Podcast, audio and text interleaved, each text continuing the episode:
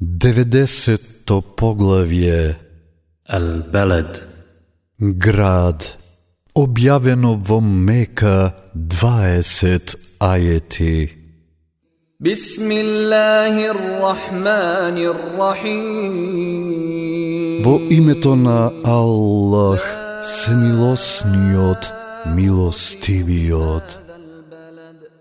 Се колнам во овој град, а тебе секе ти биде допуштено во овој град. Се колнам и во родителот и во тоа што го роди. Ние го создаваме човекот за да се труди. Зарем тој мисли дека никој ништо не му може? Големо богатство потрошив, ке каже. Зарем мисли дека никој не го видел? Зарем не му дадовме очи две и јазик и усни две и доброто и злото му ги објаснивме? Па зошто не е благодарен на благодатите?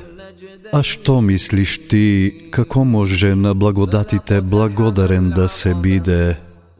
Роб од робство да се ослободи или гладта кога владее да се нахрани сираче од родот близок или сиромав со неволи оптоварен, а со тоа и да е од оние кои што веруваат, кои што едни со други трпеливост си препорачуваат и кои што едни со други милост си препорачуваат.